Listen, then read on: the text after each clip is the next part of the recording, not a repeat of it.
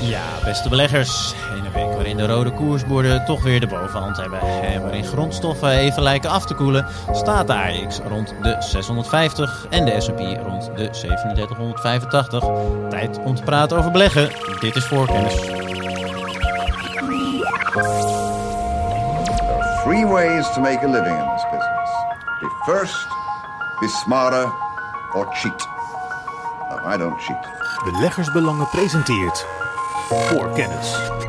Ja, beste beleggers, leuk dat jullie weer luisteren naar een nieuwe aflevering van Voorkennis. Mijn naam is Maarten Buttelman en samen met eh, Karel Merks en Stefan Hendricks werpen we weer een nodige blik eh, op eh, de aandelenmarkten.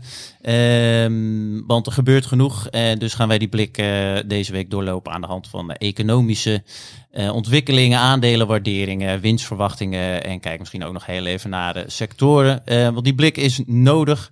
Eh, na vele groene jaren eh, maken we ons misschien meer op voor donkere dagen. We gaan er dadelijk eh, op in. Zoals altijd beginnen we echter met eh, de terugblik. En daarvoor kijk ik uh, Stefan aan. Stefan, ja, jij zei juist, ik heb drie dingen, dus uh, schiet. Ja, nee, daar had je me even. Ik zat heel even naar Karel te kijken. Oké, okay, drie dingen dan. Wat mij betreft, het meest opvallende nieuws van de afgelopen week was toch wel de winstwaarschuwing van Uniper. En dat is een Duits nutsbedrijf, de belangrijkste Duitse handelaar in aardgas. Hè, dus die aan eindklanten wordt doorgeleverd. Hmm. Die winstwaarschuwing op zichzelf is niet zo speciaal. Die had normaal gesproken natuurlijk ook niet het Nederlandse nieuws gehaald. Want ik zag hem zelf staan. Ja, het verraadt een beetje mijn leeftijd. Maar ik zag hem zelf staan nog op de app van Teletext. Die ik, nog, die ik nog heb op mijn telefoon. Ik weet ook niet precies waarom. Maar en ik kijk daar ook nog af en toe wel eens op. Maar op een gegeven moment was dit dus een nieuwsbericht. Daar stond dan een uh, Duitse energiereus in de problemen, geloof okay. ik. Maar de, uh, ja, wat eigenlijk veel interessanter is dan die winstwaarschuwing uh, aan zich, is de reden voor die winstwaarschuwing. Uh, Uniper, heeft een, ja, Uniper heeft een probleem met uh, de levering van aardgas. Want zij verkopen natuurlijk door een eindklant, hè, dus uh, particulieren en bedrijven. Mm. Maar dat gas moet ergens vandaan komen. Mhm. Dat is, nou ja, we hebben het over Duitsland, dus dan weet je waar het gas vandaan komt. Hè. Dat komt Rusland. uit Rusland. Komt uit de zogeheten Nord Stream 1 pijpleiding. Daar zijn allerlei werkzaamheden aan en problemen mee, waardoor uh, Uniper eigenlijk maar vanaf 16 juni maar 40% van het aardgas geleverd heeft gekregen. Uh, van wat contractueel was afgesproken. Ja.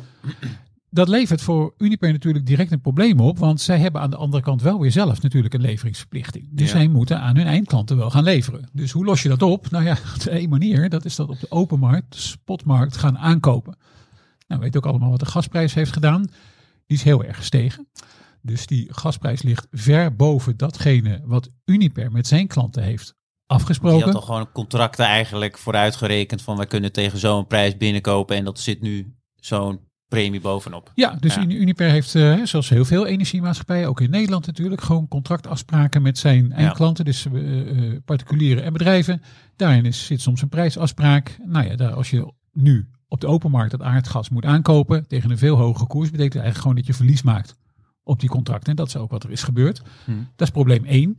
Probleem 2 daarbij, uh, en dat is een, een, een joekel van een liquiditeitsprobleem, is namelijk dat um, Uniper in het kader van een aantal van dit soort uh, leveringsovereenkomsten ook een uh, marge moet aanhouden. En die marge bestaat meestal uit het verschil tussen de spotprijs van aardgas en de prijs die in die leveringscontracten is afgesloten. En die moet Uniper aanhouden eigenlijk om een zekerheid te geven aan zijn eindgebruikers dat Uniper ook daadwerkelijk in staat is om dat aardgas te leveren, oftewel ook op te kopen op de open markt. Nou, dat loopt een beetje uit de hand en dat liep al uit de hand, want we hebben het in de, deze podcast al eens eerder over Uniper gehad en toen hadden ze een, uh, al een liquiditeitsinjectie nodig van hun Finse moeder Fortum van een miljard of acht. Nou, die is volgens ja. mij opgesoupeerd. Ze hadden ook nog een, een lijn 8 miljard, 8 miljard okay. ja, ook nog een lijn openstaan uh, bij uh, de Duitse staatsbank, Kredietanstalt für Wiederaufbau, ofwel KfW, uh, van 2 miljard is naar het schijnt nog niet gebruikt. Maar zij zitten dus wel in een liquiditeitsprobleem en het is zo, zo erg dat Uniper zelf eigenlijk bij de Duitse overheid de suggestie heeft opgeworpen. Nou, misschien kunnen jullie wel een, een belang in ons nemen. Dat interessant ja. is, want Fortum, Finse moeder, heeft 78% van de aandelen in bezit. En nu gaat Uniper naar de Duitse overheid en die zegt, ja, misschien kunnen jullie ons helpen bijvoorbeeld door wat eigen vermogen verder te verstrekken. Nou, dat is echt ongekend.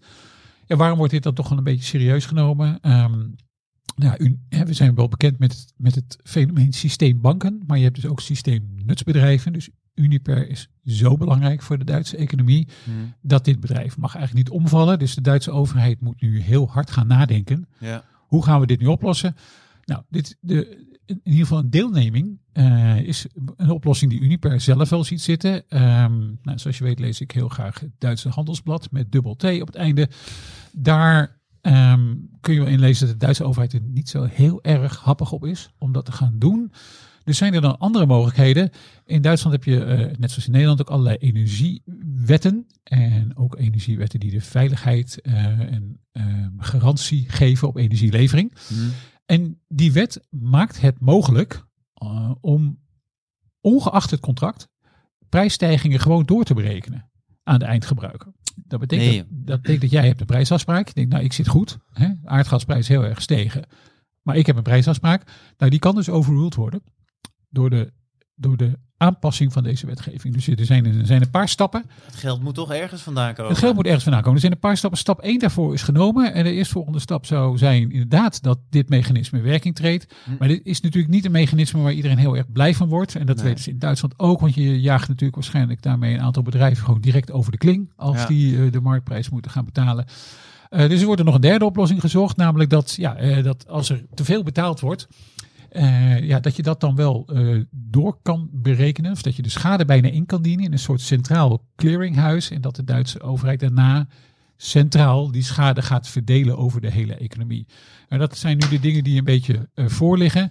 Geeft in ieder geval aan hoe ernstig de situatie is. En dit is echt heel, heel Dit is Heel ongebruikelijk. Ook, Eh, ook in het laatste scenario, dat is ook gewoon echt een klap eh, als het over de hele economie gedeeld, verdeeld wordt. Wil je zeggen, Karel? Ja, ik ben heel nieuwsgierig wat je nu in het handelsblad leest, Stefan, over de Duitse kerncentrales. Want natuurlijk vorig jaar hadden ze er nog, eh, nog zes. En in januari zijn er drie dicht gegaan. En die minister van Economische Zaken zei van ja, aan het eind van het jaar gaan de laatste drie ook nog dicht. Zijn er al wat eh, mogelijkheden om toch weer wat te openen? Want mij lijkt dat als je in januari een kerncentrale dichtgooit, kan je redelijk snel opstarten, toch? Is, is dat, zijn, die, eh, is dat, zijn die van de staat of is dat... eh, Nee, die zijn niet van de staat. Die zijn onder meer van RWE en nog een aantal andere Oké. maatschappijen. Ja. Eh, nou, zoals je weet is na, na de ramp in Fukushima in Japan in 2015, denk Elf. ik. Ja, elf zelfs al. Zo Elf is het gebeurd. Toen, toen is men in Duitsland zich helemaal een ongeluk geschrokken en vrij abrupt gestopt ermee. Ja. Eh, en daar, en sindsdien eigenlijk is, is het hele kernenergiedossier in Duitsland een soort iets waar eh, eh, niemand eigenlijk echt aan wil zitten. Dus wat je in Duitsland gek genoeg ziet, ook nog vanuit, in eerste instantie vanuit de Groene Partij geredeneerd, is laten we nou maar eens beginnen om die bruin- en steenkoolcentrales Ja. weer wat. Net zoals in Nederland, hè? Een Dezelfde- is dat, ja. Ja. Dezelfde discussie als in Nederland. Ja. Laten we die maar wat. eh, en daar hebben ze in Duitsland ook nog wat van.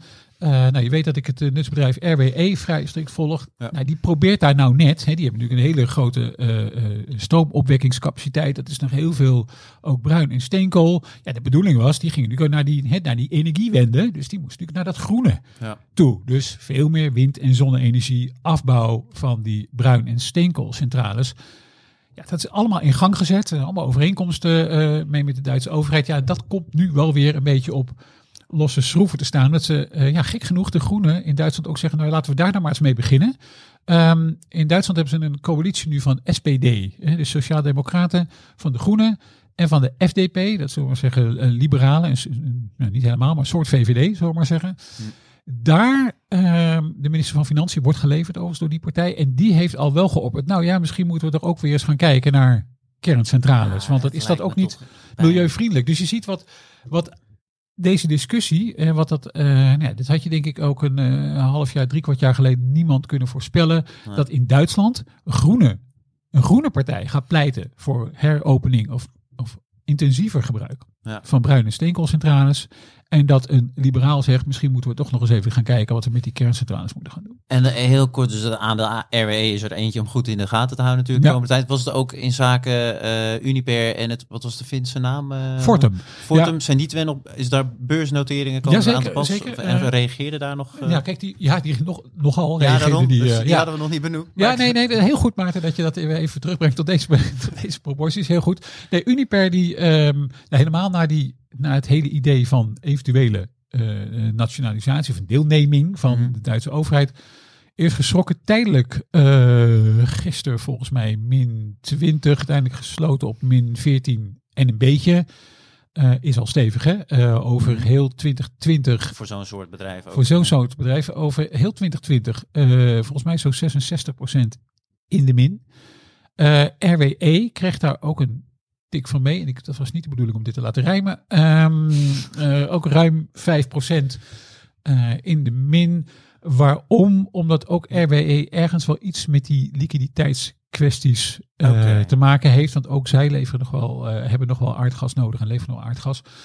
Um, dus ja, het maakt het, het, het investeren, het, het, was al lastig, investeren in de Europese nutssector dit ja, jaar. Ja. Door alle wetgeving, door het, of het nou in het Verenigd Koninkrijk is, waar misschien extra belasting weer geheven gaat worden op nutsbedrijven die zogeheten overwinsten zouden maken. Dit soort kwesties in Duitsland. Het dringt ook door tot Italië, waar natuurlijk ook een aardgas uh, kwestie speelt en waar Enel ook al heel erg lang onder druk staat. Ja. Die sector ligt er gewoon door, door al dit soort omstandigheden perfect storm. Want dan ook nog eens een keertje een hogere rente erbij, ligt die sector er gewoon echt uh, ja, op dit moment een aantal daarvan in ieder geval niet zo goed bij. Nee, oké. Okay. Dat, uh, dat was punt 1. Nou, we zijn. Uh, nou, zullen we de andere twee nog even kort ja, benoemen? Of ja. zullen we met de Karel beginnen? Jij hebt ook nog Laat ik het kort uh, en krachtig ja. mijn punt benoemen. Afgelopen maandag, ik schrok, radicale koerswijziging van de strategie van Proces. Ja. Ze hadden gezegd in april 2020 dat ze voor minimaal drie jaar lang geen aandelen zullen verkopen in Tencent. Hmm. Ja, maandag uh, zei de CEO uh, Bob van Dijk letterlijk, uh, we gaan een uh, onbeperkt verkoopprogramma zonder einde starten in Tencent. En we stoppen pas op het moment dat de volledige korting is verdwenen. Ja, toen schoot het aandeel uh, 20% omhoog. Ja, dat uh, groot sprong nam de AX met zich mee, want uh, heeft nog steeds een grote weging. Of is die alweer afgekomen, die weging? Uh, nee, het wordt nog steeds tot de grotere ja. aandelen in Amsterdam. Ja, ja, ja, ja. ja, was een pittig nieuwsbericht. En uh, Stefan, aan jou dan nog de andere twee. Aangezien Karel het keurig netjes kort houden. Ik was helemaal... Ik ben nooit langdradig, je kent me toch? Ja, oh, dat impliceert wel een beetje. Nou, dank daarvoor. Dus dan zal ik het kort houden, deze laatste twee punten. Eentje hangt eigenlijk nog samen met waar ik het net over had. Uh, hoewel het eigenlijk, je denkt, hoezo dan? Uh, de, een van de uh, belangrijkste toezichthouders van de Europese Centrale Bank. Even zijn naam moet ik dan even erbij houden. Andrea Enria. Die heeft laten doorschemeren dat Europese banken misschien toch nog eens even moeten gaan berekenen uh, in hoeverre zij dividenden uit kunnen keren en aandelen kunnen inkopen. Ja. Um, dat, hij gaat niet zo ver uh, om, een, om het dividend uh, even te stil te zetten, zoals tijdens de coronacrisis is gebeurd. Hè. Er is natuurlijk een oekase gekomen toen van de ECB, keer het niet uit. Dit is nu alleen maar een waarschuwing om toch nog eens even goed te kijken of, je, of de kapitaalposities van de banken dat toelaten. En waarom heeft hij dat gezegd? Uh, heeft te maken ook met die hele aardgascrisis. Um, als die aardgasprijzen blijven stijgen, als de leveringen terug blijven uh, lopen, krijgt iedereen het natuurlijk moeilijker. Hmm. Dreigen we in Europa in een uh, recessie of een zware recessie terechtkomen. En dat is natuurlijk niet zo goed voor banken, want dat betekent dat het ook gewoon lastiger wordt voor particulieren en bedrijven om hun leningen terug te betalen.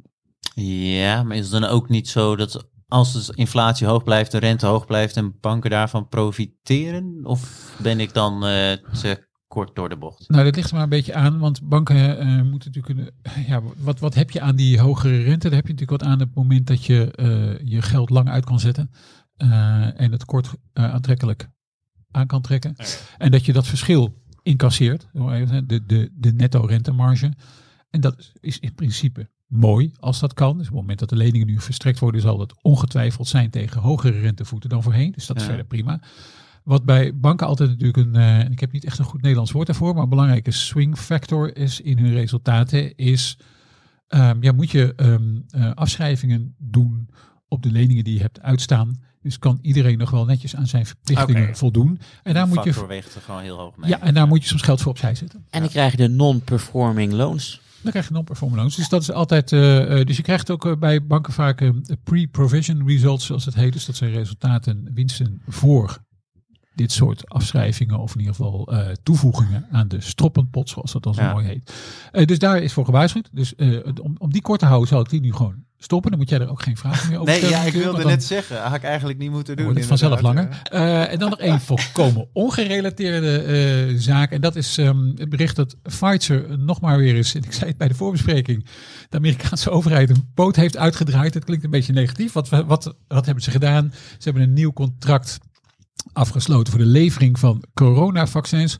Eh 105 miljoen doses voor een, eh, een, een fijne contractgrootte van 3,2 miljard dollar. En wat is daar nou zo interessant aan voor eh Pfizer en voor aandeelhouders Pfizer, zoals ik eh, zelf, moet ik daar dan even bij zeggen. Namelijk dat die prijs voortdurend omhoog gaat. Dus de eerste eh, eh, vaccinaties die werden voor eh, 19,5 dollar per dosis verkocht. Ehm, toen ging die in juli 2021 naar 24. En nu zijn we weer een kleine 27% hoger en gaan we ruim boven de 30 per Meer dan de inflatie. Meer dan inflatie. Dus Pfizer zorgt buitengewoon goed voor zichzelf. En BioNTech moet ik ook.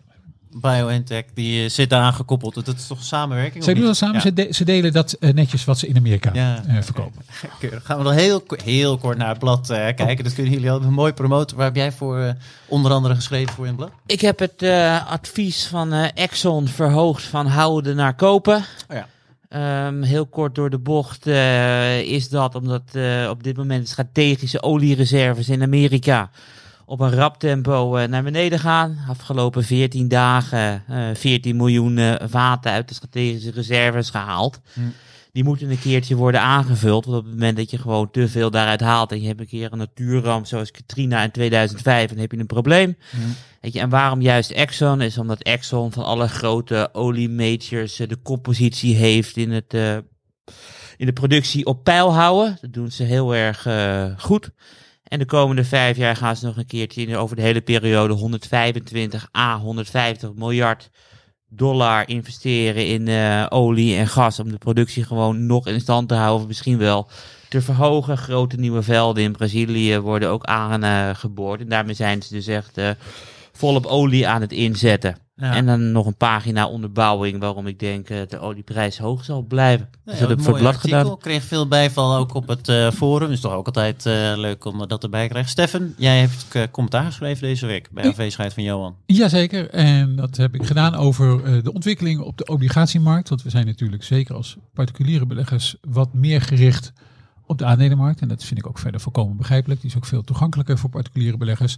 Maar er zijn ook allemaal echt bizarre koersbewegingen op de obligatiemarkt. Echt historisch. Historischer eh, vind ik nog dan op de eh, aandelenmarkt. Waardoor dus ook bedrijfsobligaties van supersolide bedrijven als een eh, Apple of een Alphabet gewoon ruim, ruim onder de eh 100 staan. En, en ja, een lening van Apple bijvoorbeeld staat nog lager dan op het dieptepunt van de coronacrisis. Nou, dat is toch wel echt opvallend. Het waren bizarre aantallen, inderdaad. En voor wie je terug wil lezen, ik zal de artikelen verder in de show notes zetten. Voorkennis. Want eh, er is nog eh, genoeg eh, te bespreken. Op dit moment lijkt het opwaarts potentieel namelijk wat plaats te maken voor nog meer van het neerwaarts risico. Hoeveel is daarvan allemaal wel of niet ingeprijsd? Daar gaan we nu ook even naar kijken. En Karel, om die in te leiden, kijk naar jou. Nou ja, om te laten zien dat er al best wel wat is ingeprijsd, ehm, wil ik wat statistieken noemen van BCA Research. Graag. Dus die heeft gekeken van ja, hoe dramatisch is 2022. En het is niet alleen de aandelen die dalen, maar dat is ook wat Stefan net zei, eh, de obligaties. En in het verleden zag je bijvoorbeeld in 2008 dat de obligaties stegen en aandelen daalden. Dus dit jaar is er voor een eh, totaalbedrag van 15,6 biljoen verdwenen aan eh, waarde in aandelen en obligaties. Ja. En als je dat dan gaat uitrekenen hoe groot het is ten opzichte van de Amerikaanse economie, dan is dat ruim 60 ja, bizar. En tijdens de mondiale financiële crisis van 2008 is het nooit meer geweest dan, dan 50 procent. Maar dat, dat vond ik ook bizar inderdaad. Want wat is dan, jij zegt het, dus obligaties maakt dan het grote verschil. Ja, ja, wat ik bedoel, in 2008 zag je dus de Amerikaanse rente zeer sterk dalen. Met als gevolg de prijzen van de obligaties omhoog gingen. Dus je maakte gewoon eh, geld op, eh, op staatsobligaties. Oké. Weet je, en nu gaat, gaat alles naar beneden. Ja, En we hebben natuurlijk ook gewoon steeds meer eh, financiële markten, natuurlijk ook steeds groter ten opzichte van de economie. Nou, ja, zo kom je tot 60 procent, Ja, wat echt heel erg heftig is. Ja, groot aantal. Dus dat is het positieve nieuws, want er is echt al heel veel ellende gehad. Ja, zit al, zit al verdisconteerd in de koersen. Nou ja, dus ben je gewoon al kwijt. Dus eh, dat hebben we inderdaad eh, gehad. En als je dan gaat kijken van de komende tijd, dan zijn er ja, weinig eh, dingen te vinden die me enthousiast maken. Ja, Want ik bedoel, ik begon het jaar natuurlijk van, kijk naar het vierde kwartaal van 2018. De vet trapt op de rem. Weet je, en als de vet op de rem trapt, is het niet goed voor de aandelenmarkten. Ja, dus wat zou je gedurende 2022 willen zien? Is dat de inflatie wat eh, naar beneden komt en, en de vet wat kan stoppen met afremmen. Alleen, we zijn nu in eh, juli, de eerste vandaag. Ja, de Amerikaanse inflatie is nog steeds eh, ruim 8%. ja. En wat zei, eh, ik heb het even opgeschreven, Jeroen Paul zei afgelopen woensdag van eh, er is een risico eh, dat de Amerikaanse economie afzwakt als de inflatie daalt naar 2%. Alleen het allergrootste risico is dat de prijsstabiliteit niet hersteld wordt. Nou ja, dat laat dus zien dat Jeroen Paul de komende maanden nog veel harder gaat afremmen. En er zijn de rest van het jaar nog, nog zeven renteverhogingen ingeprijsd. En de renteverhoging is een kwartje. Dus we verwachten dat er nog 1,75 Want- bij de rente komt. Waarom is het eh, de prijsstabiliteit, was ik dan altijd benieuwd naar de grootste risico ten opzichte van bijvoorbeeld de krimpende economie? Is dat dan mensen hebben 50k aan spaargeld, normaal kopen ze daar 10 dingen van, dat wordt minder waard, dat worden er nu 9 dingen, waardoor de boel krimpt? Snap je de vraag die ik bedoel? Ik ben ook- Half. Waar, waar komt, waarom is de inflatie zeg maar Ja, kijk, de van inflatie raakt risico dan een natuurlijk- krimpende economie? Raakt, raakt, maar- raakt iedereen. En het is niks voor niks dat eh, president Biden op dit moment extreem slechte eh, vertrouwenscijfers eh, hebben. Dus approval ratings. Zijn nog een stuk lager dan Trump en zijn voorgangers. En dat komt omdat Amerikanen steeds minder in de winkel kunnen kopen. Dus op het moment dat jij je volledige salaris uitgeeft en de prijzen stijgen, dan moet je dus, eh, ga je dus minder uitgeven. Ja, precies. En- Dus dat, het voorbeeld dat ik probeer te doen, maar dat dan afgezet tegen een krimpende economie, soort voor een soort gelijk effect. Ja, maar ik denk dat je misschien. ehm, ik, bedoel, snap waar jouw vraag vandaan komt. Vet heeft, zoals dat heet, een, ehm, een dual mandate. Dus die hebben eigenlijk twee opdrachten. Zorgen voor prijsstabiliteit. Prijsstabiliteit wordt dan vertaald als een inflatie van rond de 2%. Ja. En tegelijkertijd hebben ze ook een eh, een mandaat om de werkloosheid in de VS zo laag mogelijk te houden. En een tijd lang was het eigenlijk heel goed te doen om die twee doelen te bereiken. Ehm, maar omdat eigenlijk de Fed ook inmiddels naar eigen zeggen, en trouwens de ECB heeft dat eh, via mevrouw Lagarde, onze eh, ECB-president, ook toegegeven. Centrale banken wat laat gereageerd op de inflatie die heel erg hard is gestegen. Waardoor je nu als centrale bankier eigenlijk wat harder op de rem moet gaan trappen. Om te zorgen dat die inflatie zich niet heel erg gaat nestelen in de eh, economie.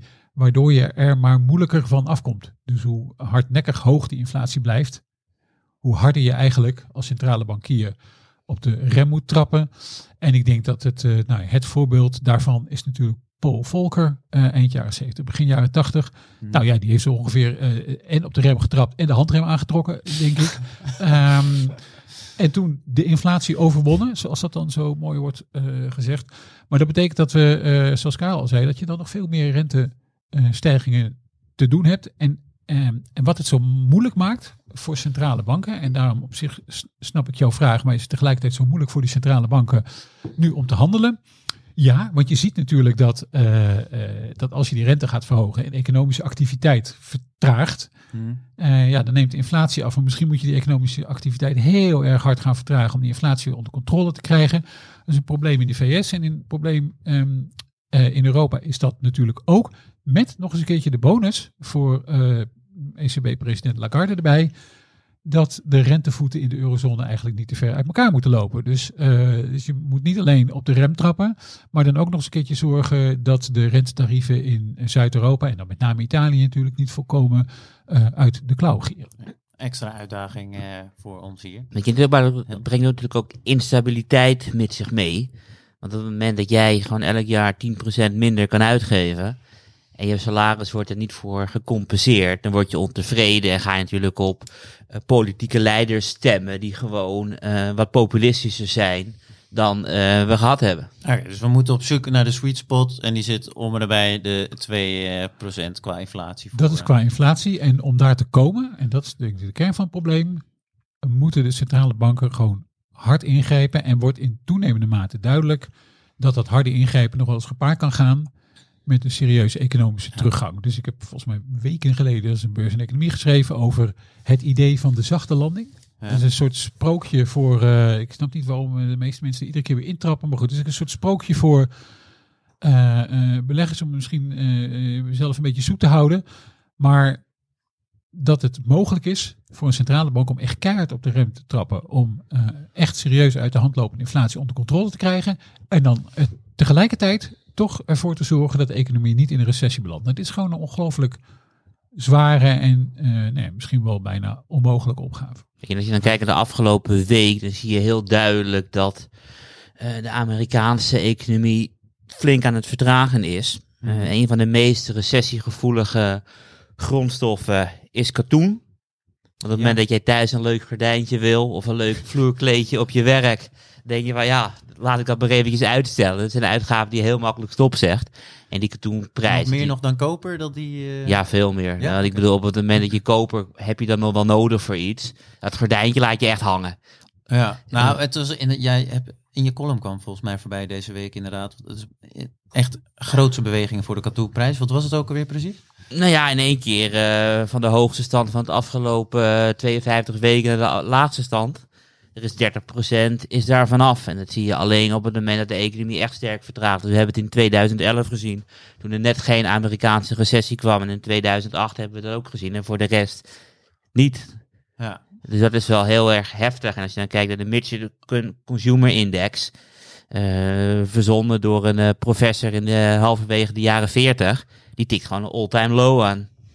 All-time low. All-time Ik low. dat is consumentenuitgave. Is dat, Nee, nee, eh, vertrouwen. Vertrouwen. Oh, vertrouwen. Vertrouwen. Dus ik bedoel de 87 crash, de eh, moord op Kennedy, eh kernraketten op Cuba. Weet je, maakt niet uit wat er sinds de eh, tweede helft van de jaren 40 gebeurd is. Nooit heeft iets Amerikaanse consumenten zo negatief kunnen maken als dit. Maar dan lijkt me ook zo lastig, wil ik eigenlijk al een paar weken vragen. Maar het is echt een groot verschil volgens mij met de jaren 70, toen we ook een heel grote inflatie hadden. Is dat er nu de snelheid en de hoeveelheid van informatie die op de consumenten afkomt, volgens mij vele malen hoger is. Wat ervoor zorgt dat veel sneller de hand op de knip eh, wordt gehouden.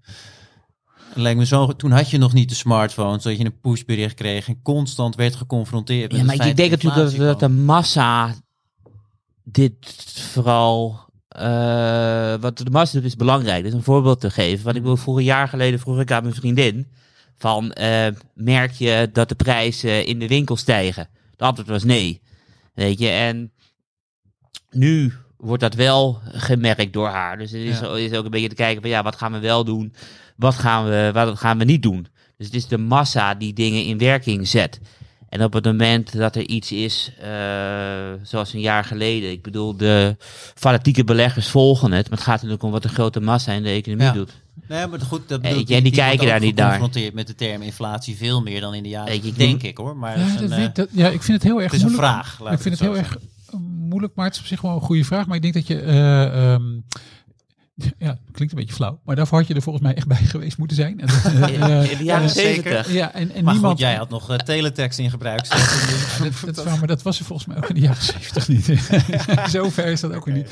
Eh, nee, en, maar dat is een en- heel terecht. Ja, ik denk en vergis je niet, ehm, kijk, de jaren 70 waren natuurlijk ook vrij eh, traumatisch. Want de eh, beelden van de toespraak van Joop den Uyl destijds over, eh, over het, eh, het oliegebruik, wat hadden we, autoloze zondag en dat soort zaken. Mm. Ja, die beelden worden nog wel eens getoond natuurlijk. Als, Ja. eh, dat, dat, dat zijn ook eh, iconische beelden van die tijd. Die enorm zijn blijven hangen bij, bij mensen. Dus het is denk ik niet zozeer dat je de informatie niet krijgt. Maar het is op welke manier je de eh, informatie krijgt. En of het nou is via inderdaad een pushbericht op je telefoon. Of er is een, een, een, een, een toespraak. Een nationale toespraak. Hè, dat, dat, Ja, gewoon- dat eh, hakt er ook in. dat is toch ook wel een iconisch moment. En, ehm, ja, en wat, wat Karel beschrijft, zie je natuurlijk al heel erg terug de afgelopen weken op de, eh, op de aandelenbeurs. Hè. Ja, ik wilde net vragen, waar zien we het tot terug op de financiële Ja. markt inderdaad? Nou, eigenlijk, ik heb gewoon eens even gekeken naar de sectorrendementen van de afgelopen vier weken. En waarom heb ik dat gedaan? Omdat ehm, in de afgelopen vier weken natuurlijk de 75 basispunten eh, renteverhoging eh, is genoemd en eh, eh, doorgevoerd inmiddels. En eh, nou ja, hints dat dat nog vaker zou gaan gebeuren.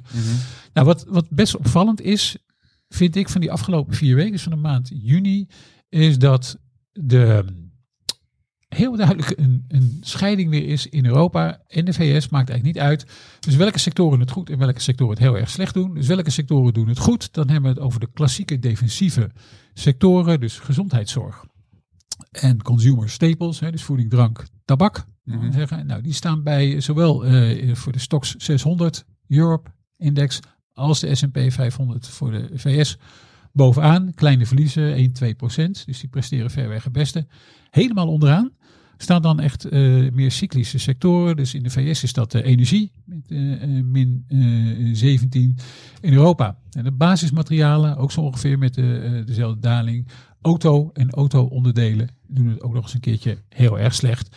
Geeft een beetje precies aan, denk ik, waar de verschuiving nu van de beurs in zit. Namelijk van, oh, we moeten de inflatie onder controle krijgen naar de, naar de eh, eh, volgende gedachte. Oh, als we dat gaan doen en we gaan dat steeds harder doen, Mhm. dan eh, kon dat wel eens serieuze consequenties hebben voor economische groei. En dat zie je dus terug op de aandelenmarkt. Je ziet het ook terug op de markt voor bedrijfsobligaties.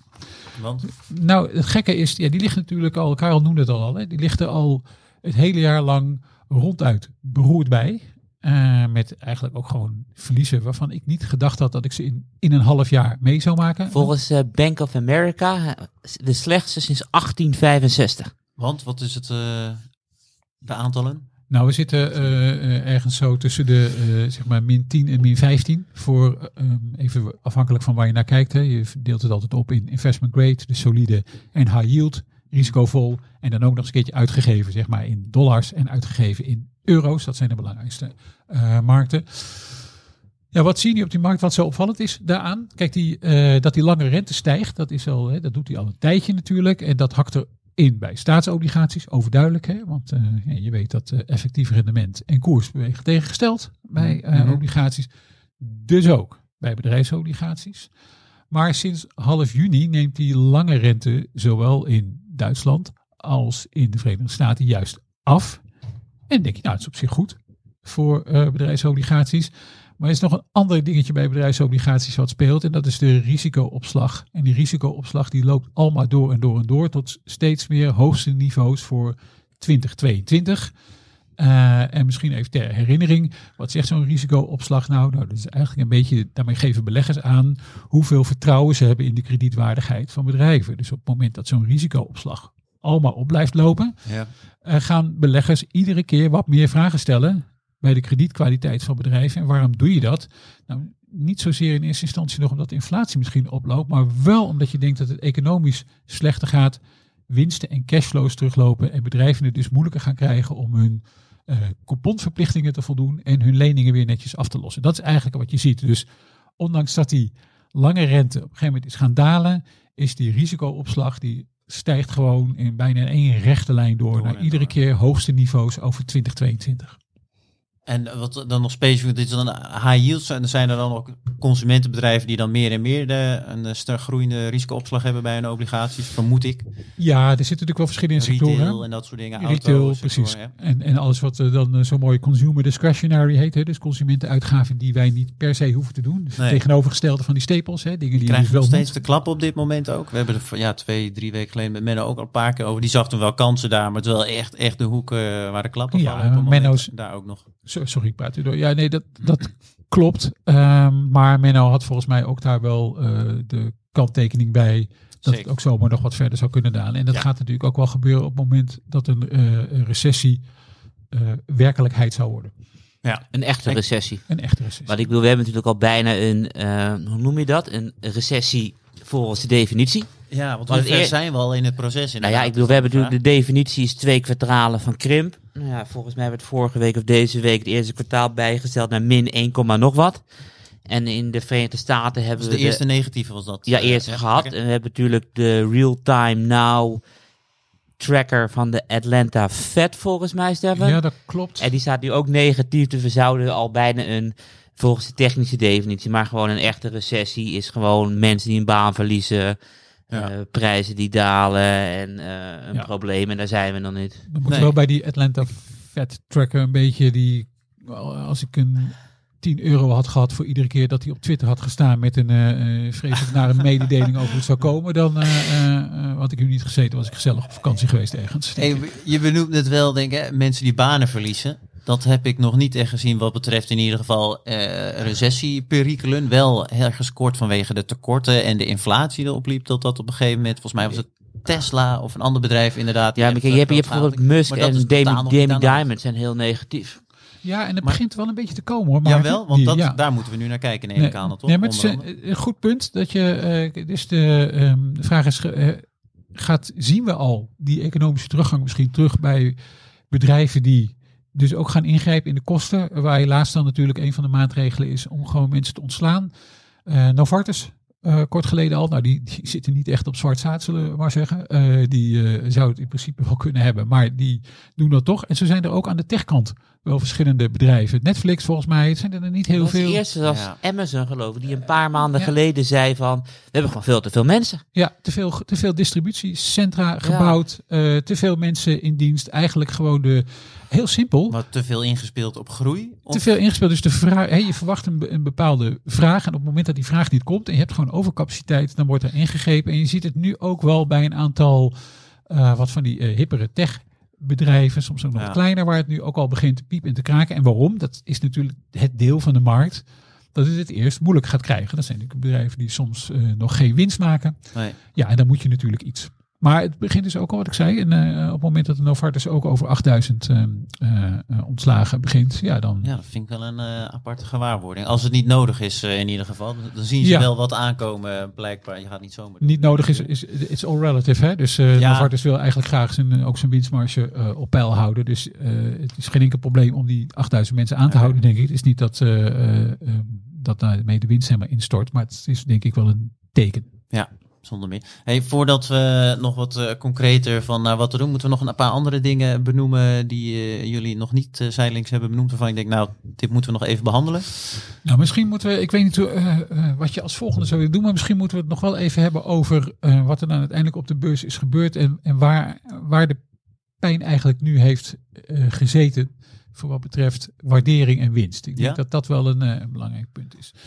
Ehm, dus als we even de S&P 500 als voorbeeld nemen, en dat doe ik omdat daar de eh, meeste data van beschikbaar zijn en die worden fantastisch bijgehouden door iemand eh, die er al daar minimaal volgens mij zo lang zit als ik bij beleggersbelangen. Dus dat is nou zo rond de tijd van Napoleon denk ik in ieder geval heel Deze lang. persoon kent teletext in ieder geval.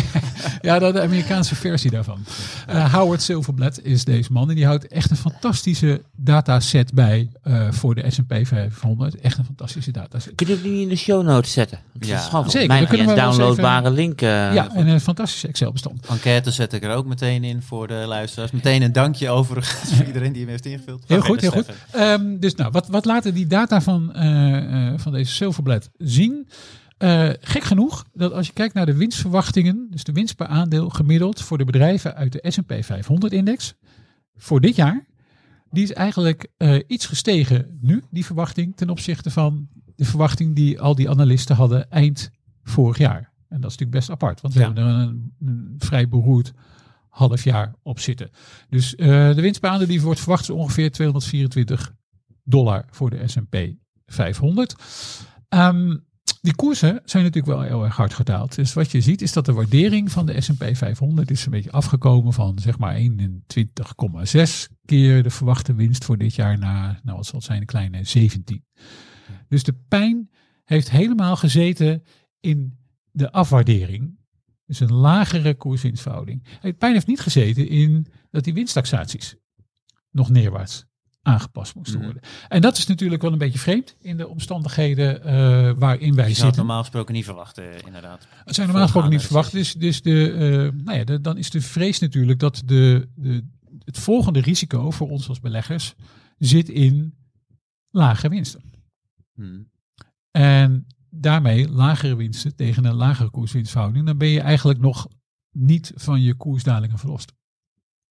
En heb je ook nog de marge die op recordniveau staat. Want, vertel, je had er in stukken inderdaad over de operationele, operationele, excuus, de operationele marge, zag ik voorbij komen. Nou ja, wat je dus stuk. vaak ziet in, in recessies, bijvoorbeeld in, eh, in 2008. Toen hielden bedrijven eerst eh, van een dollar eh 14 cent over. Weet je, en gedurende de recessie werd het 8 cent. Oftewel, de marge gaat ook nog een keertje hard naar beneden. En als de marge hard naar beneden gaat, werkt het natuurlijk ook weer hard door in de winstcijfers. Ja. En ik vind het onbegrijpelijk dat eh, in het vierde kwartaal een nieuw all-time high wordt voorzien in marges. ja, bizar. Wat ik dus- bedoel, de, de, er is inflatie, de, de inkoopprijzen stijgen. Dus dat moet een keertje eh, met een hefboom doorwerken in de winstcijfers. En welke bedrijven moeten we nu naar kijken om dit het beste te polsen? Of welke verdere cijfers en statistieken zijn hier Ja, wat ik altijd een voorstander ben, is gewoon naar de volledige S&P 500 kijken. Omdat je dan eh, een duidelijker beeld hebt. Want ik bedoel, je hebt altijd in slechte tijden dat sommige bedrijven juist doorgroeien. Maar zoals eh Stefan net zei, als je gewoon het eerste half jaar naar 2022 kijkt en je wordt gewoon niet... Je bent even enthousiast over de wereld als op 31 december 2021. Dan klopt er iets niet en dan moet je gewoon oppassen. En ik denk dat de hele markt een veel beter verhaal vertelt dan een enkel bedrijf. Zonder meer. Mooi Ja. verhaal, Stefan. Maar- Ja, want die data kun je, kan je ook terugvinden. We gaan natuurlijk dat, eh, die link eh, bij de show notes zetten. Ehm, dus vorig jaar waren die eh, operationele marges echt belachelijk hoog. En die stijgen al heel erg lang. En er zijn allerlei redenen voor te verzinnen. Daar kunnen we een hele aparte podcast over maken. Over hoe dat nou precies zit. Ehm, maar dat, die, dat dat houdbaar is, dat lijkt me wel gewoon heel erg sterk. En ik denk dat iedereen sterk lijkt. Dus het is meer een kwestie van dat die verwachtingen, eh, eh, zeg maar zeggen, goedschiks of kwaadschiks, moeten worden aangepast. Het begint al wel een beetje te komen, moet ik eerlijk zeggen. Dus ik, eh, we krijgen natuurlijk ontzettend veel analistenrapporten binnen met ehm, eh, veranderingen van mening en koersdoelen. Ik vind het nu al hard gaan hoor. Er worden nu al heel veel eh, koersdoelen neerwaarts aangepast. Winstverwachtingen beginnen nu ook wel een beetje te kraken. Maar de vraag is natuurlijk, hoe ga je daar dan als belegger op reageren? Wat gaat de markt eigenlijk nu doen als, je die, als die verwachtingen echt omlaag moeten? En gisteravond was dan de, en al een eerste interessante testcase, waarvan ik heel eerlijk gezegd niet, niet precies weet wat ik ervan moet vinden. Dus we hadden eh derde kwartaalcijfers van halfgeleiderfabrikant Micron. Ja. Eh, een heel bekend bedrijf. Nou, die derde kwartaalcijfers waren prima, boven verwachting, niks aan de hand. Uh, maar Micron gaf ook een verwachting, hè, de zogeheten outlook voor het lopende kwartaal. Uh, en dat was andere koek. Dus Want? daar waar uh, analisten in eerste instantie uitgingen van een omzet van zeker 9 miljard dollar, zei Micron, nou reken maar op 7,2 miljard, plus of min 400 miljoen. Ja, bizar. En dan, ja, toen ik dat gisteravond zag, want uh, nee, we zijn allemaal een beetje vakidioten, dus ook gewoon gedurende de uh, Amerikaanse uh, avondhandel en ook daarna. Mm -hmm. Ja, check je natuurlijk altijd die, die koers. En als je weet dat zo'n Micron komt, ben ik al heel erg benieuwd hoe erop gereageerd wordt. Dus ik zag dat bericht. Ik, dat zal wel een flinke dreun opleveren. ongehoorde koersknal opleveren. In eerste instantie ook wel vrij hard, maar uiteindelijk in die nabeurshandel ruim 3,5% in de min. Ja. Dat is eigenlijk, en ik weet, daarom zeg ik, ik weet niet precies wat ik daarvan moet denken. Ik vind dat een, een tamelijk bescheiden uh, afwaardering. Waarbij je misschien wel in oogschouw moet nemen dat het aandeel Micron dit jaar sowieso al 40% was gedaald. Dus misschien okay, ja. beginnen er bedrijven of sectoren te ontstaan waar heel veel slecht nieuws dan wel ingeprijsd gaat raken. Zeg ik met een vraagteken. Ik weet het nog steeds niet precies wat ik ervan uh, moet vinden. Ik denk dat, er, dat we nog veel negatieve en onaangename uh, verrassingen tegen gaan komen. Maar, maar ik vond dit redelijk opvallend. Ja, Het is wel de start van, ik weet ook, we hadden deze week in het blad ook strategenpanel en die zei, nou, het komende cijferseizoen wordt wel zo belangrijk wat betreft dan wel niet bevestiging, ontkrachting van waar we naartoe gaan, eh, inderdaad. En dit dan Ja, Michael was echt een. voorbeelden. Ja, en dat misschien is het ook nog wel belangrijk om te vermelden. Ja, waarom? Hè? Want het is, je kan natuurlijk zeggen, ja, waarom zit die verwachtingen nou gewoon eh, zo ongeveer 1,8 miljard En, onder de gemiddelde Ja. analisten? Hoe, hoe kan dat nou? Michael zelf gaf in ieder geval aan, die zei, ja, er is gewoon zwakke vraag naar veel consumentenelektronica, dus PC's en smartphones. Nou, dat kan allerlei oorzaken hebben. Het kan eh, eh, zijn dat de componenten niet leverbaar zijn, dus dat de productie niet op gang is, eh, COVID in China, eh, nou ja, van alles nog wat. Maar combinatie van alle, naar alle waarschijnlijkheid. Precies, maar feit is dat de vraag er dus niet is. En de vraag is er dusdanig niet dat de omzet dus echt ver, ver, ver onder de gemiddelde analistenverwachting, zoals onder meer door Bloomberg bijgehouden ligt. Ja, ja zijn inderdaad wel eh, grote aantallen. Ik eh, wilde met jullie beiden nog, eh, nog doorgaan naar een concreet voorbeeld. want we zitten alweer bijna aan het einde van de, de aflevering. Het gaat snel.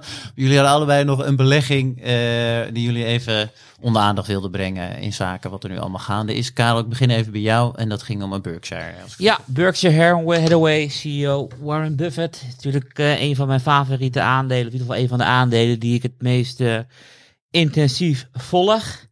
Ja. En is ook een van de minst moeilijke aandelen om te volgen. Want Warren Buffett zegt heel duidelijk op het moment dat de verhouding eh, price-book value onder de 1.2 is.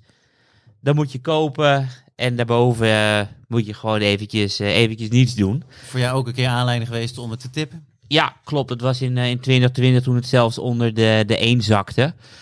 Ehm, dus ik heb even gekeken de afgelopen 30 jaar. Hoe vaak is die verhouding eh, 1,19 eh, geweest? Dus gewoon net, op de- de- zoals deze week, net onder de 1,20 gezakt. Ja. En het was in 2000, eh, 2008, 2011 en 2020. En als je dan in die week kocht, toen die 1,19 was voor het eerst, waren de rendementen na drie jaar respectievelijk eh, 41, 34, 66 en 31. Dus ja, dit is wel weer een mooie week om eh, naar Berkshire Hathaway te gaan kijken. Dit is vaak is dat niet de bodem, want soms zakken we tot 1,15, soms zakken we tot 1,10. Hmm. En in 2020 zakten we zelfs eh, onder de 1 en dan heb je nog tientallen procent eh, extra rendement. Ja. Nou, als de luisteraar die goed geluisterd heeft, 2020, dan zijn natuurlijk niet drie jaar voorbij, want het is nog steeds 2022. En we zijn weer terug onder de 1.2 eh price book. Nou ja, en we hebben toch eh 31% in Berkshire gehad. Dus ik denk dat het heel erg interessant is eh, om daar naar te kijken. En helemaal hoe Warren Buffett aan het beleggen is. Want we hebben natuurlijk al maanden in deze show dat fossiele brandstoffen de komende jaren waarschijnlijk wel een, een goede belegging is. Ja. En het eerste kwartaal was het, geloof ik 39 miljard dat hij in Amerikaanse oliebedrijven gestoken Maar hoe heeft. groot een percentage is dat van zijn eh, totaal? Dat zal toch niet... Ligt, ligt. Ik bedoel, hij had op dit moment, de beurswaarde is, eh, is 600 miljard. En zijn beleggingsportefeuille is ongeveer de helft. En de grootste positie is nog steeds Apple. Maar de afgelopen jaren heeft hij heel vaak, eh, of eigenlijk altijd, heeft hij cashgeld gespaard. En dat was op een gegeven moment gestegen naar eh, 147 miljard eind vorig jaar. Wat gewoon heel erg veel is. En het eerste kwartaal zakte de koers natuurlijk door de bodem. Niet alleen omdat eh, Rusland Oekraïne binnenviel, maar ook door de stijgende rente. En het was de eerste keer dat Warren Buffett eh, echt flink ging kopen. En toen daalde het van 147 miljard naar, naar 106 miljard. En ik ben heel nieuwsgierig eh, wat hij het afgelopen kwartaal gedaan heeft. Ja. En ik denk gewoon massaal eigen aandelen ingekocht. Dus daar kijk ik naar. En ik ben ook benieuwd, wel als Apple zijn grootste positie is. En we hoorden net dat via Micron dat de consumenten uitgeven, eh, consumenten elektronica zware knauw krijgt. Dan eh, kan dat wel wat in beweging zetten natuurlijk. Ja, dus ik denk dat hij weer flink eh, gekocht heeft. Dus daar kijk ik wel, wel naar uit. Alright. in ieder geval met deze huidige waardering heeft nou ja, data tot, wat was het?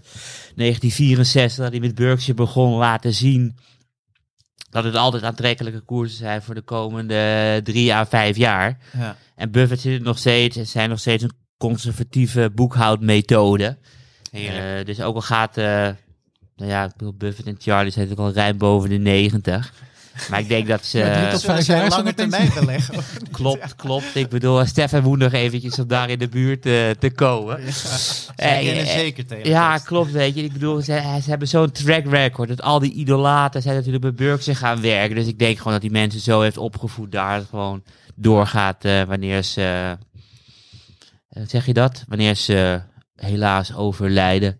En als je ze dan sp- spreekt, dan zeggen ze altijd... Ja, wij lezen elke dag eh, een paar uur boeken en, research. Dus ik bedoel, als je dat al doet, dan heb je al een groot gedeelte van de dagelijkse leiding uit handen gegeven. Dan ben je niet de hele dag aan het lezen. Dus Nee. ik denk dat het goed komt.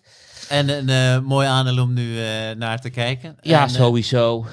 dat sowieso altijd. Maar nu des te meer. Omdat Des te meer weer onder de 1,2 boekwaarde eh, is gezakt. Dus die waardering gaat flink naar beneden. Ja, En die cash wordt nu ingezet. Ja. Weet je, dat zag je dus ook in 2008. Van als het echt misgaat, dan gaat hij weer overal dealtjes doen met... Was het Gold- Goldman Sachs, Goldman Stefan? Ik vergeet het ja. altijd. Ja, Goldman Sachs met gewoon een lening van eh, 10%. Swiss Re. eh, Swiss Re. Noem ze maar op. Waar de, Dus ik bedoel, We gaan op, weer op Buffett ik bedoel, eh, op het moment dat je nood hebt, moet je naar Buffett en dan draai je een poot uit. En de aandeelhouder profiteert. Oké, Stefan. Jij hebt ook een aandeel dat je even wilde benoemen. Eh, ja, en heb voor mezelf ook nagedacht, Maarten, wat ik in dit soort marktomstandigheden wil doen. Dus ik ben in principe wel qua portefeuille voor mezelf in het algemeen wel wat voorzichtiger. Dus dat betekent dat ik eh, nog altijd flinke posities heb in sectoren die niet heel erg hoog gewaardeerd zijn. eh, waar de schuldpositie aardig onder controle is. Ehm, waar de eh, eh, marktpositie ook sterk is. En waar de winstvooruitzichten op zich ook oké zijn. Hoeft niet eens spectaculair te zijn, maar in ieder geval weinig eh, onaangename verrassingen. Dus ik heb nog altijd aandelen als een eh AppFi, eh, Sanofi, maar ook bijvoorbeeld uit de defensiesector. al eerder besproken Rijnmetaal, waar waarvan je weet dat de winst wel degelijk gaat groeien. En nog een aantal uit dat soort sectoren. Dus dan kom je er wel meer defensieve sectoren. Maar, en had je die al? Of zijn die... eh, Die had ik al in sommige posities heb ik nog wel uitgebreid. Ja, Merck bijvoorbeeld, die hebben eh, Amerikaanse farmaceut. Een fantastisch jaar achter. Volgens mij meer dan 25% in de plus. En een koers-winstverhouding van nog altijd, eh, het is het 12 en een beetje, 12,5 denk ik. Dus nog niet eens heel erg duur. Die bedrijven liggen allemaal goed bij. Vind ik voor mijn eigen portefeuille prettig, omdat ik eigenlijk, eh, ik kan hartstikke ongelijk hebben en misschien gaan die winstverwachtingen hoeven die helemaal niet omlaag. Maar ik val me dan met deze bedrijven geen eh bijl. En op het moment dat het marktsentiment wel heel erg draait, heb ik in ieder geval bedrijven waarvan ik weet dat die die crisis heel erg goed kunnen doorkomen. Ja. Dus dat is een soort blok in mijn portefeuille dat ik heel erg prettig vind. Om, en, eh, nou ja, wat ik in ieder geval ook voor mezelf doe. Eh, wat, wat ieder andere belegger doet, moet er zijn eigen inschatting van maken. Maar dit, dit vind ik voor mezelf in ieder geval prettig om zo te beleggen. Daaromheen heb ik natuurlijk ook nog andere beleggingen ehm, in wat meer groeisectoren. En dan eh daarvan is het Amerikaanse KLE. En dat is een, eh, een bedrijf dat is gelieerd aan de halfgeleidensector. Eh zij zijn heel erg belangrijk in het productieproces. Dus het is wat ze noemen inspection en process control. Dat betekent dat als je halfgeleiders produceert, dan heb je ook allerlei apparatuur nodig om te checken of die halfgeleiders die worden geproduceerd allemaal goed zijn en of de links allemaal eh, goed lopen. En KLE is daar de absolute eh, marktleider. Die hebben echt een ijzersterke positie. Ehm, maar ehm, aandeel wel dit jaar min 26 ja. En dat voelt natuurlijk niet echt lekker, want ik heb hem ook als een van mijn redactietips. Toen, toen schreef ik al eh, profetische woorden, maar niet naar mezelf geluisterd. Is misschien niet het meest gunstige moment om in te stappen. Nou, dat was wel een beetje een eufemisme, denk ik, eh, dat moment. Maar dan is het natuurlijk wel een beetje de vraag, wat doe je nu met dit soort aandelen? En dat is Ja. voor mezelf ook wel een eh, belangrijk. Want als ik operationeel naar dat KLE kijk, dan ziet het er echt fantastisch uit. Dus die marktpositie die zij hebben, wordt eigenlijk alleen maar beter. Dus ze winnen ook iedere keer marktaandeel. Medio juni een beleggersdag gehouden.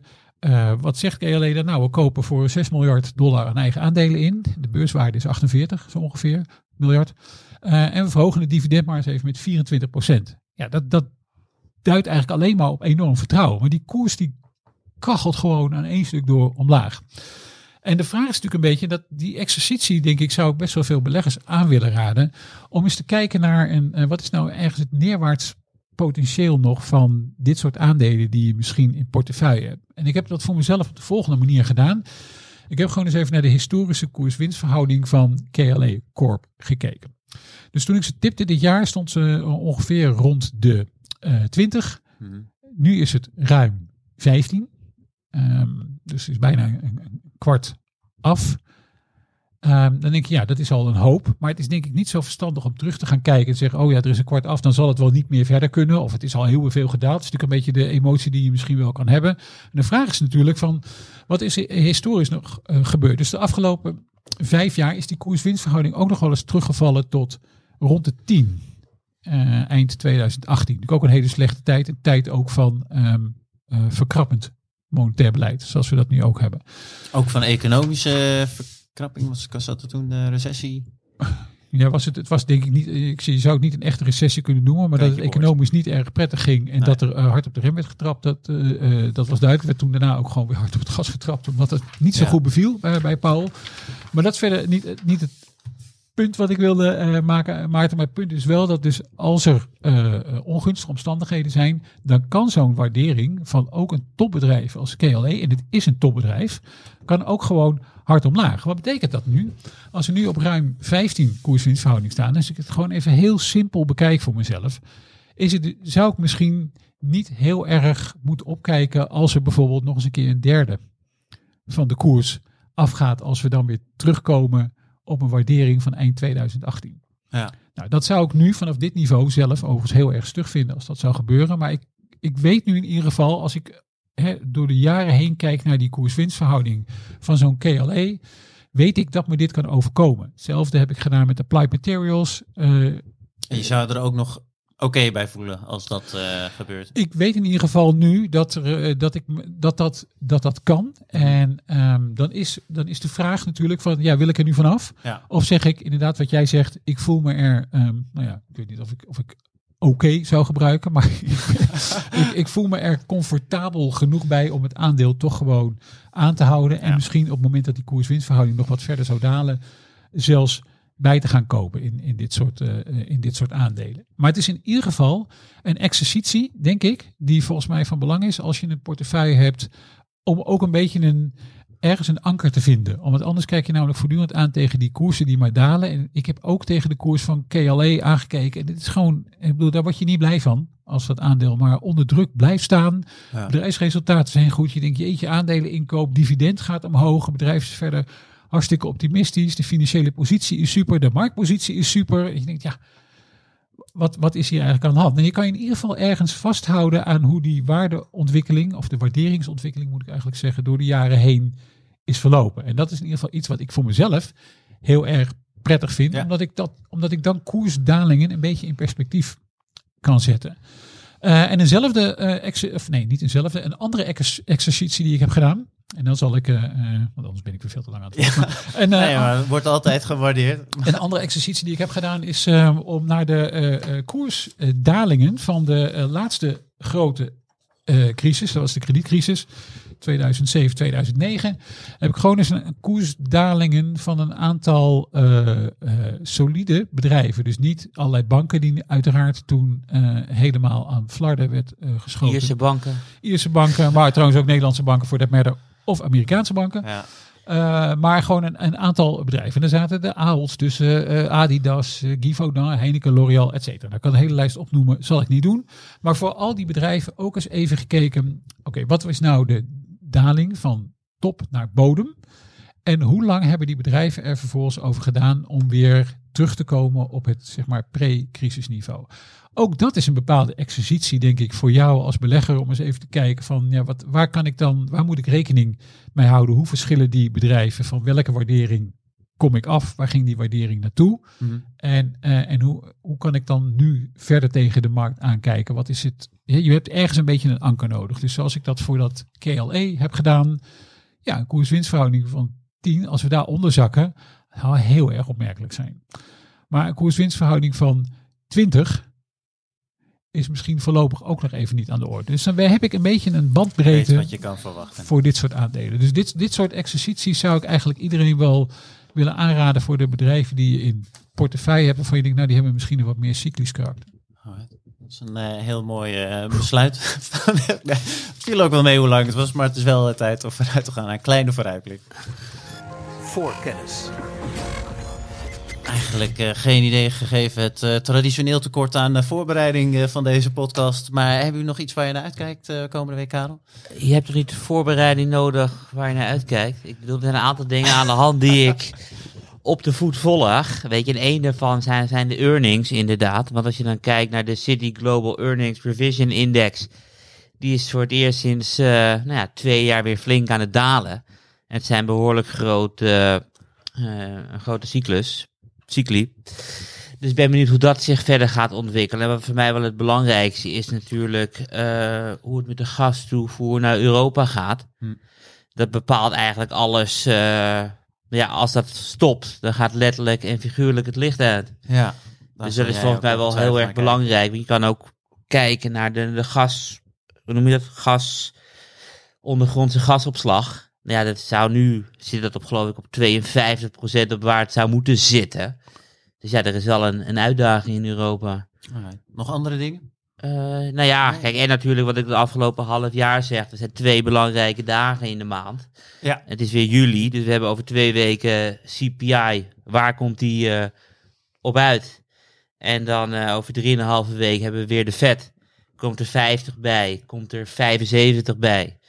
Blijft dat- een belangrijke data om naar uit te kijken. Ja, nou ja, essentieel. Want ik bedoel, dat, want als de inflatie daalt, eh, dan weet je dat demand destruction, om er maar eventjes een Engels woord in te gooien, de goede kant op gaat in de ogen van Jerome Powell. We zijn er over het uur heen, dus Stefan, Ja, ik denk dat ik ga oude eh, heel, heel kort eh, of je nog iets op eh, de lijst staat waar je naar uit, los van misschien wat er verder bij Juniper nog gaat gebeuren. Ja, nee, precies. Dus ik sluit me aan bij Karel. Die, die ontwikkeling van die aardgasprijzen en aardgasleveringen zijn echt ontzettend belangrijk. En niet alleen voor de nutsector, maar ik volg de nuts- nutsector nu eenmaal. Dus ik volg dit ook met extra aandacht. En vanmiddag hebben we ook de inkoopmanagersindex eh van de industrie in Amerika. En dat is ook altijd wel een interessant signaal. Ja, En dat is dan eh, de vrijdagmiddag eh, waar we het over hebben. En dan komt die uit. We gaan het de volgende week ongetwijfeld over hebben. Ik dank jullie beiden weer, Karel en Stefan. En tegen de luisteraars zeg ik tot volgende week.